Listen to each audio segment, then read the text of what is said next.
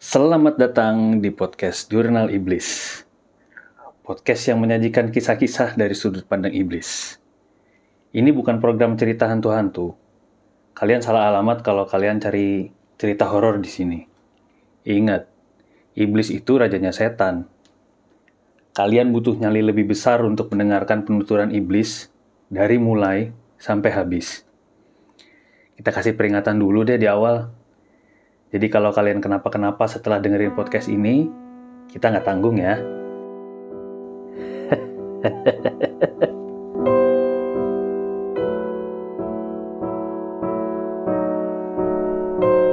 Asin.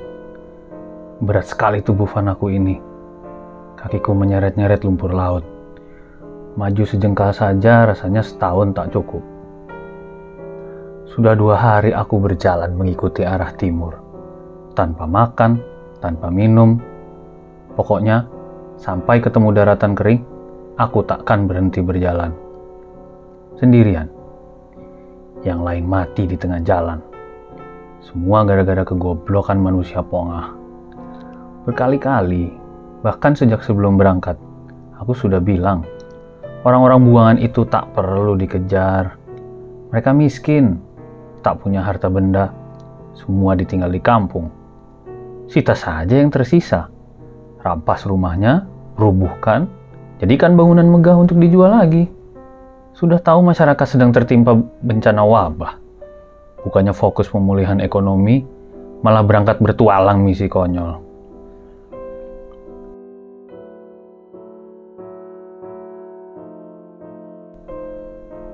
Aku mulai bisa melihat jemari tanganku. Cahaya sudah bisa mencapai tubuh ini tinggal memanjat tepian laut, maka aku tiba di pantai. Ayo kaki pemalas, sedikit lagi sampai. Jangan cengeng.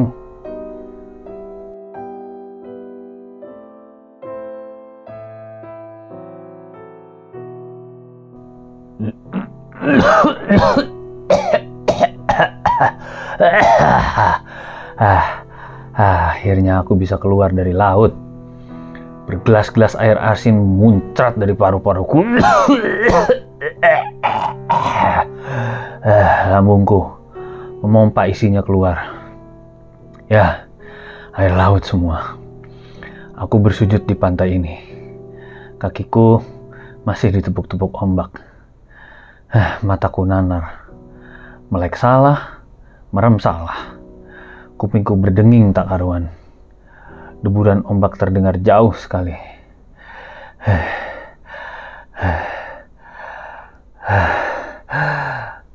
Sudah puas aku mengosongkan rongga-rongga badanku dari air laut.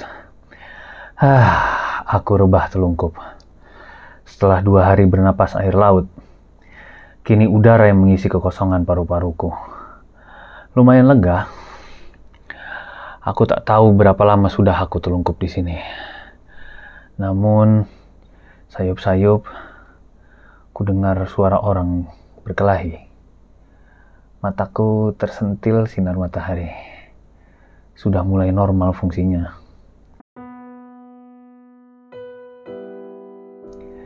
Bayangan dua orang sedang bergulat di atas bukit pasir, saling tinju dan cekik. Di sekelilingnya, himpunan orang-orang melihat kejadian itu dengan khawatir. Mereka cuma menonton saja tidak ikut kelahi, tapi tidak melerai juga. Jangan-jangan ini orang-orang yang kami kejar dari seberang teluk sana. Mereka belum menyadari kehadiranku. Uh, lebih baik aku mencoba tiarap menjauh dari mereka. Huh, tapi badanku masih bergetar setiap bergerak. Lemah bukan main badan ini. Sialan. Rasanya dua tahun sudah aku tiarap, tapi belum jauh perpindahanku. Baginda! Ada satu orang yang melihatku merayap. Dialah yang berteriak barusan. Dua orang yang sedang berkelahi tiba-tiba berhenti. Orang-orang dalam kerumunan itu beralih pandang, melihat ke arahku. Aku terus merayap menjauh, tak kugubris kerumunan itu. Nah, benar saja, Dua orang yang berkelahi itu tiba-tiba memberi perintah untuk mengepungku. Ah, bisa apa aku? Hanya dalam hitungan detik, tombak-tombak dan pedang terhunus ke arahku. Aku sekarang jadi pusat kerumunan. Kedua orang yang baru saja berkelahi tadi merangsek ke depan. Baris depan orang-orang ini memberi ruang pada keduanya. Sepertinya mereka berdua ini sosok penting. Salah seorang jagoan diperintahkan untuk membalik tubuhku. Kakinya menyendok perutku, serta merta tubuhku memutar telentang. Mataku memandangi kedua orang yang berdiri di sebelah kiri dadaku. Sudah pulih mataku. Jadi dapat kupandangi wajah agung keduanya dengan baik-baik. Hei, orang Mesir, kata salah seorang mulia. Belum lama yang lalu, tongkat ini ku hentak ke laut, dan dengan mukjizat Tuhan, terbelah laut itu. Tak perlu mukjizat untuk membelah batok kepalamu dengan ini. Tongkat itu beliau sodorkan ke depan mukaku. Bonggolnya terlihat menyeramkan, seperti kepala ular naga. Tangan kananku kuangkat meminta ampunannya. Ya Rasul, tongkatmu memang bisa membuat kepalaku pecah, tapi belum saatnya aku mati. Ucapanku barusan menghentikan napas semua orang dalam barisan. Orang Mesir, berapa lama kau berenang sampai sini? Bertanya manusia mulia yang satu lagi. Aku melihat ke arah kakiku. Kupandangi setiap helai pakaian yang masih menempel di badan. Ya, pantas saja aku dipanggil-panggil orang Mesir terus dari tadi. Pakaian prajurit Mesir ini belum larut dihajar air laut. aku terkekeh sambil terus memandangi kostum badut ini. Melihat tingkahku, makhluk mulia yang menodongkan tongkatnya padaku mulai tersenyum. Perlahan tongkatnya ia tarik ke sisi badannya. Melihat tiadanya lagi ancaman dari beliau, aku memberanikan diri untuk duduk. Ya, dengan susah payah, sesisa-sisanya tenaga saja yang kupunya. Salam sejahtera untukmu, duhai utusan Allah, baginda Nabi Musa dan Nabi Harun. Dengan wajah tertunduk, kuberikan salam pada mereka. Nabi Harun terkesiap. Siapa kau? Beliau tampaknya baru menyadari hampir tidak mungkin manusia biasa menyeberangi Laut Merah dalam dua hari. Apalagi setelah terjepit ribuan ton air laut. Nabi Musa mendekat ke telinga Nabi Harun. Tak berapa lama, mata Nabi Harun terbeliak. Nabi Musa nampaknya membocorkan identitasku pada Nabi Harun.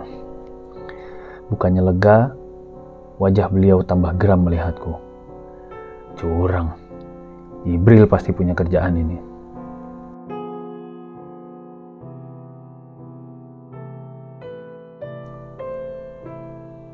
Aku digelandang ke tengah-tengah perkampungan Bani Israel. Tenda-tenda mereka dibuat melingkari api unggun.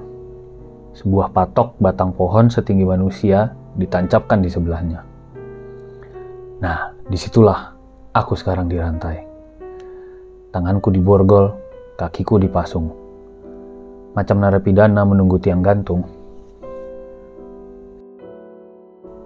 Sejak tadi matahari masih tinggi, hingga sekarang aku didiamkan saja di sini.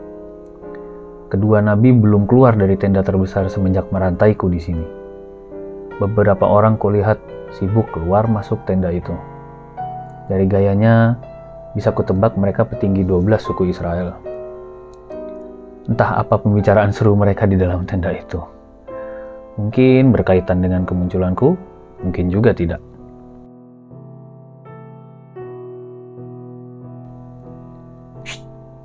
Hei, Mesir.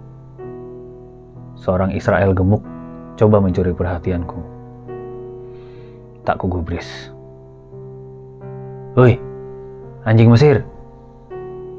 Kali ini sembari melemparkan kerikil ke kepalaku. Kesabaranku habis. Kau tidak ingin mati perlahan kan, anak babi? Mendengar bentakanku, mantan budak itu mundur selangkah. Matanya bertemu dengan lirikanku. Perlahan, ia menyadari dengan tebalnya rantai di tanganku ini, Seharusnya tak ada yang perlu ia takuti dariku. Kau, prajurit penyihirnya Fir'aun ya? Si gemuk ini mulai berani. Bukan urusanmu. Dalam hatiku, aku terus mengutuk Haman karena tak mau mendengar nasihatku dulu. Kalau saja masukanku didengar, kalau saja kuping Haman tak tersumbat congek kesombongan, mungkin saat ini aku sedang sibuk membolongi babi gemuk ini dengan tombak. Nasibmu akan habis di sini, Mesir bangsat. Akan tiba saatnya harta bendamu kurampas nanti. Akan tiba saatnya anak gadis dan istrimu jadi budak yang melayani pinggangku. Kalau sudah puas, baru mereka akan kucincang jadi makanan anjing. Aku menengok dengan heran. Israel satu ini mungkin lebih makmur daripada mantan budak yang lain. Entah dari mana dia bisa dapat makan lebih banyak. Aku punya pertanyaan untuknya. Eh, babi gurun, kau mau merampas hartaku pakai apa? Daki di ketiakmu itu? Lalu anak istriku mau kau jadikan budak? Ketimbang mencium bau tubuhmu, mereka jelas lebih memilih bunuh diri. Aku sarankan, barang pertama yang kau beli setelah merdeka, eh babi, belilah cermin. Mungkin kau akan sedikit lebih pandai menahan muntah setelahnya. Napasnya tersengah. Dada dan perut bundarnya teraduk nafsu angkara murka. Si goblok ini kalah pengalaman denganku. Jangan coba-cobalah main emosi denganku. Aku pasti menang. Si gemuk melesat menjauh dariku Bayangannya diliputi gelap malam. Dari kejauhan, kulihat ia mencari-cari sesuatu di tanah. Sejenak kemudian, ia mengangkat seonggok batang kayu. Dari gaya jalannya, sepertinya ia hendak menggunakan kayu itu sebagai gada. Kalau kepalaku dikepruk bonggolnya, lumayan sakit juga tuh. Wah, wah, wah. Untuk atraksi babi main kayu begini, di Mesir tiketnya laku dua dirham nih. Sengaja ku keraskan komentarku barusan. Beberapa orang Israel tercuri perhatiannya. Entah karena malu atau dendam yang kelewat ke Sumat, si gemuk mempercepat langkahnya ke arahku. Hei, hei, babi dua kaki cepat juga ya jalannya. Tinggal tiga langkah lagi jaraknya denganku, tangannya siap mengayun. Pecah kepalaku. Korun! Jangankan si gemuk ini, aku saja sampai terkesima dengan suara barusan. Nyaringnya penuh dengan aura kepemimpinan.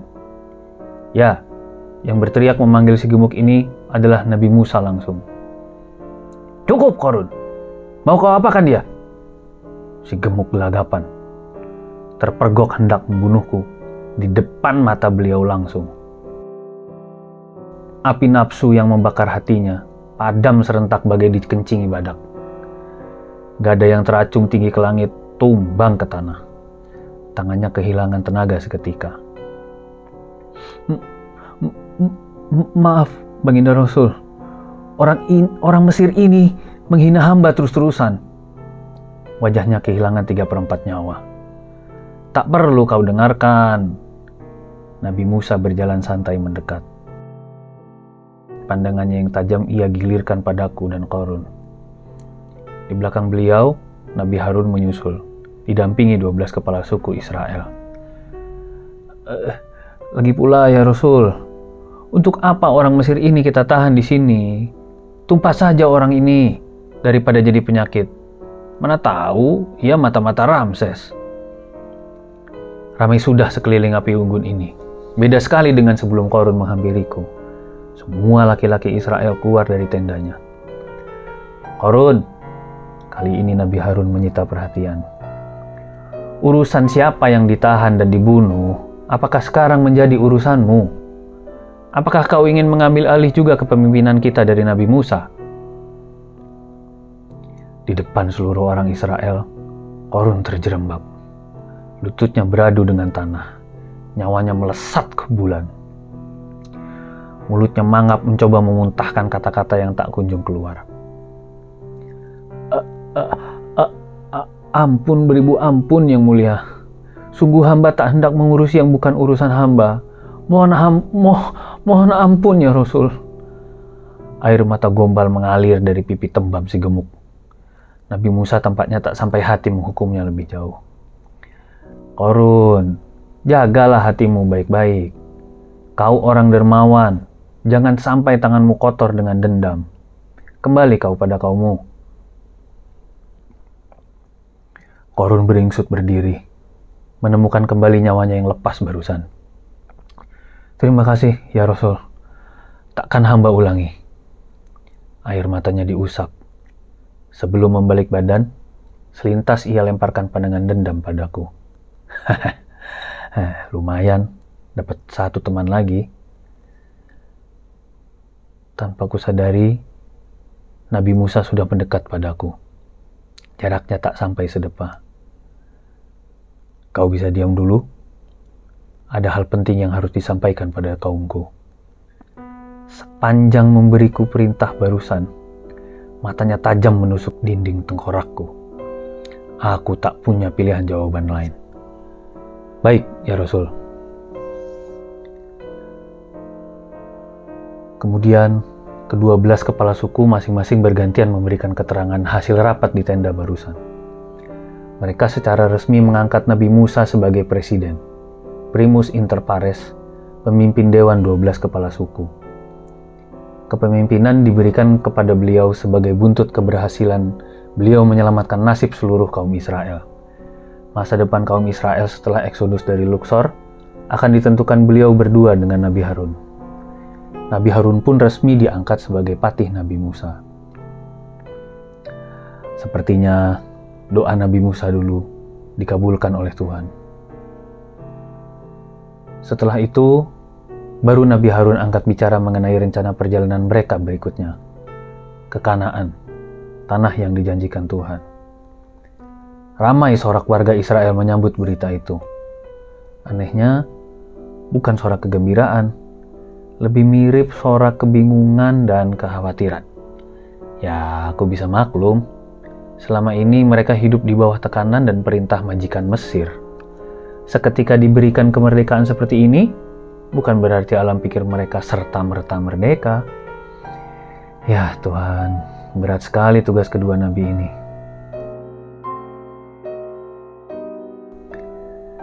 Selesai pengumuman, warga Israel dibubarkan.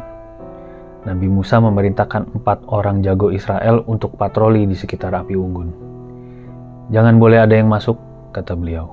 Pembicaraan antara kami bertiga tak boleh didengarkan siapa pun.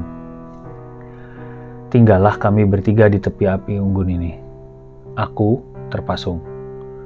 Nabi Musa dan Nabi Harun yang duduk di atas nikli kayu, persis di hadapanku. Eh, Sudahi sandiwaramu, iblis. Nabi Musa lalu bersender pada tongkat saktinya. Dengan sekali tarik, rantai di tangan dan belenggu di kakiku kupecahkan. Nabi Harun tersenyum sedikit. Rantai berjatuhan berdentingan di dekat kakiku. Terima kasih, ya Rasul. Salam kebahagiaan untuk Baginda berdua. Aku ucapkan selamat atas jabatan barunya. Semoga sukses. Nabi Musa mendengus. Kuterima salam darimu, tapi aku muak berbahasa basi denganmu, iblis. Aku belaka saja. Keberadaanmu di tengah kaumku membuat geger. Wargaku masih ketakutan dikejar tentara Mesir, lalu tiba-tiba kau muncul. Andai aku dapat izin dari Allah untuk menyudahi riwayatmu, sudah dari siang tadi kau habis di tanganku. Uh, tapi, ya Rasul, Allah menjanjikan hidupku panjang. Iya, aku tahu.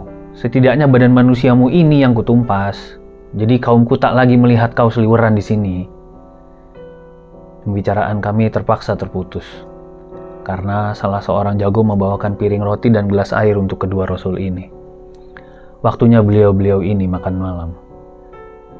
Kasihan, seharusnya mereka makan di tenda bersama keluarga. Aku jadi tak enak hati mengganggu waktu istirahat para rasul ini. Kau tahan lapar, iblis? Nabi Harun membelah roti dengan tangannya. Panas api mengenyangkanku, Baginda. Aku berterima kasih sudah dipasung di dekat api. Kau tahu alasan aku tidak mengusirmu dari sini, iblis?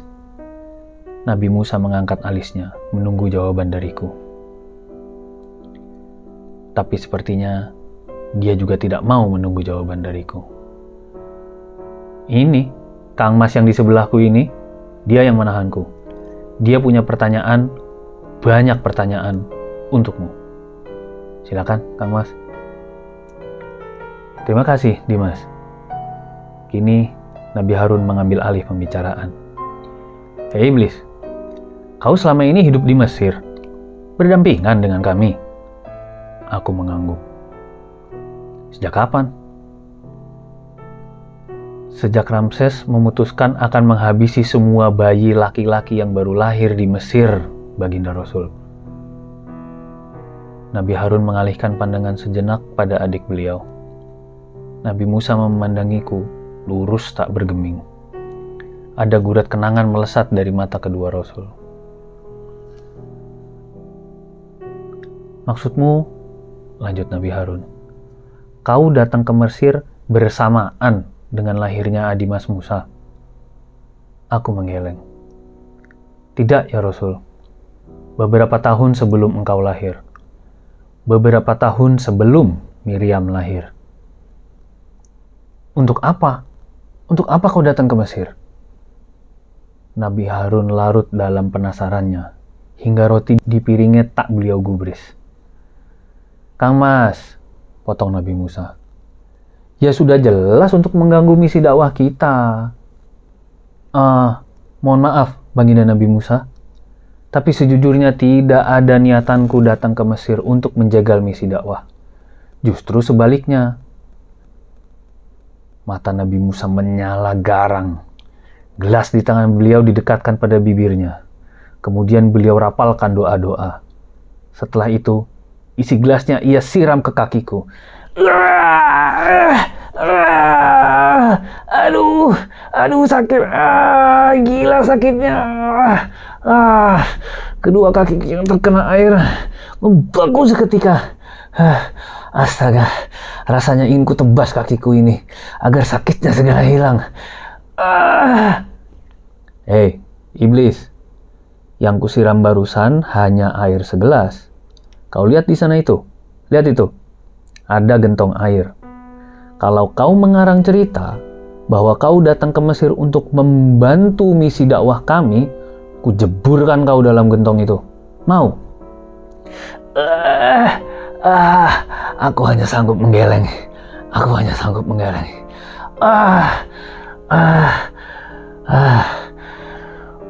Ya Rasul, bukan itu maksudku. Penjelasanku belum selesai. Nah, iblis, kata Nabi Harun. Itulah akibatnya jika bertele-tele di depan Nabi Musa. Ayo, langsung saja ceritanya. Sakit perlahan mulai hilang. Gila memang kekuatan doa. Apalagi doa orang soleh. Ah, aku nggak kuat. Maaf jika penjelasanku membuat kalian salah tangkap. Maksudku, aku datang ke Mesir untuk cari teman, sekaligus menumpas kebatilan yang paling aku benci. Nabi Musa menyenggol sikut Nabi Harun. Mulai lagi dia Kang Mas. Nabi Harun mendekatkan mulut gelas ke bibir beliau. Hendak diambilnya napas untuk memulai bacaan doa. Aduh, aduh, ampun Tuhan, jangan, sakit Tuhan. Aduh, galak betul. Ini aku baru mau masuk ke intinya, mohon bersabar Tuhan. Nabi Harun tersenyum. Alisnya diangkat. Ini hanya jaga-jaga saja, iblis. Kau yang menentukan air di gelasku ini apakah akan mendarat di mukamu? Tanganku terulur. Minta waktu. Ya, Tuan. Baik. Butuh waktu untuk menjabarkan ujung pangkal ceritaku. Begini, untuk urusan mencari teman memang sudah tabiatku begitu. Sedari awal manusia menguasai bumi, SOP iblis ya begitu-begitu saja. Apalagi dalam kurun waktu beberapa dasawarsa sebelum kini. Mesir jadi tempat puncak peradaban manusia, tentu aku bisa panen banyak di sana. Dan ya, lumayan lah tingkat keberhasilanku. Nabi Harun menurunkan gelas dari bibir beliau. Rasa penasaran beliau kembali hadir. Namun, kau tak perlu beralih wujud jadi manusia begini kan iblis? Ratusan ribu tahun sudah kau berhasil menjebloskan jutaan umat manusia pada neraka. Padahal kau berwujud gaib. Nabi Musa mengetuk-ngetuk ujung telapak kaki beliau. Mulai tak sabar. Aku memohon kepada Allah untuk bisa fokus menggoda-goda pejabat tinggi Mesir, Tuan Rasul. Ada rasa tidak sukaku kepada bibit penyakit yang tumbuh pada diri Ramses. Aku ingin terlibat dalam penumpasan penyakit tersebut. Penyakit apa, Iblis? Megalomaniak. Baunya sangit sekali sampai ke langit. Aku muak menciumnya. Nabi Musa bergeser sedikit dari tempat duduknya. Ia mendekatkan wajahnya padaku. Jadi, kau diutus Allah untuk membantu kami, begitu, iblis? Kau berharap kami percaya pada omong kosongmu barusan. Eh, anu, bukan, bukan. Bukan begitu, Tuan Rasul, bukan. Apa pun yang aku lakukan tidak akan berpengaruh pada garis ketentuan yang sudah Allah tetapkan dalam misi dakwah Tuhan berdua. Misiku lebih fokus pada lingkungan istana, tidak menyeluruh seperti yang Tuhan berdua lakukan. Lebih tepatnya, aku menumpang, nebeng misi Tuhan berdua lagi pula urusanku dengan megalomaniak sudah tuntas, sementara misi Tuhan berdua masih panjang ke depan. Jadi, setelah ini kau akan ke mana, Iblis? Kami tak mau membawamu ke kanan. Belum tahu, Nabi Harun. Mungkin kembali ke alamku, gentayangan lagi. Nabi Musa menghela napas panjang. Ya, sudahlah. Aku ingin tahu cerita sepak terjangmu selama di Mesir. Mulai dari awal, iblis, dan jangan kau berdosa. Percuma, kami akan segera tahu jika mulutmu bohong. Nabi Harun memandangiku dengan rasa penasaran. Apakah kalian sama penasarannya? Sabar dulu. Aku tahu kalian capek mendengar ceritaku panjang lebar. Mulai dari keluar laut, ketemu babi gemuk, sampai disiram air.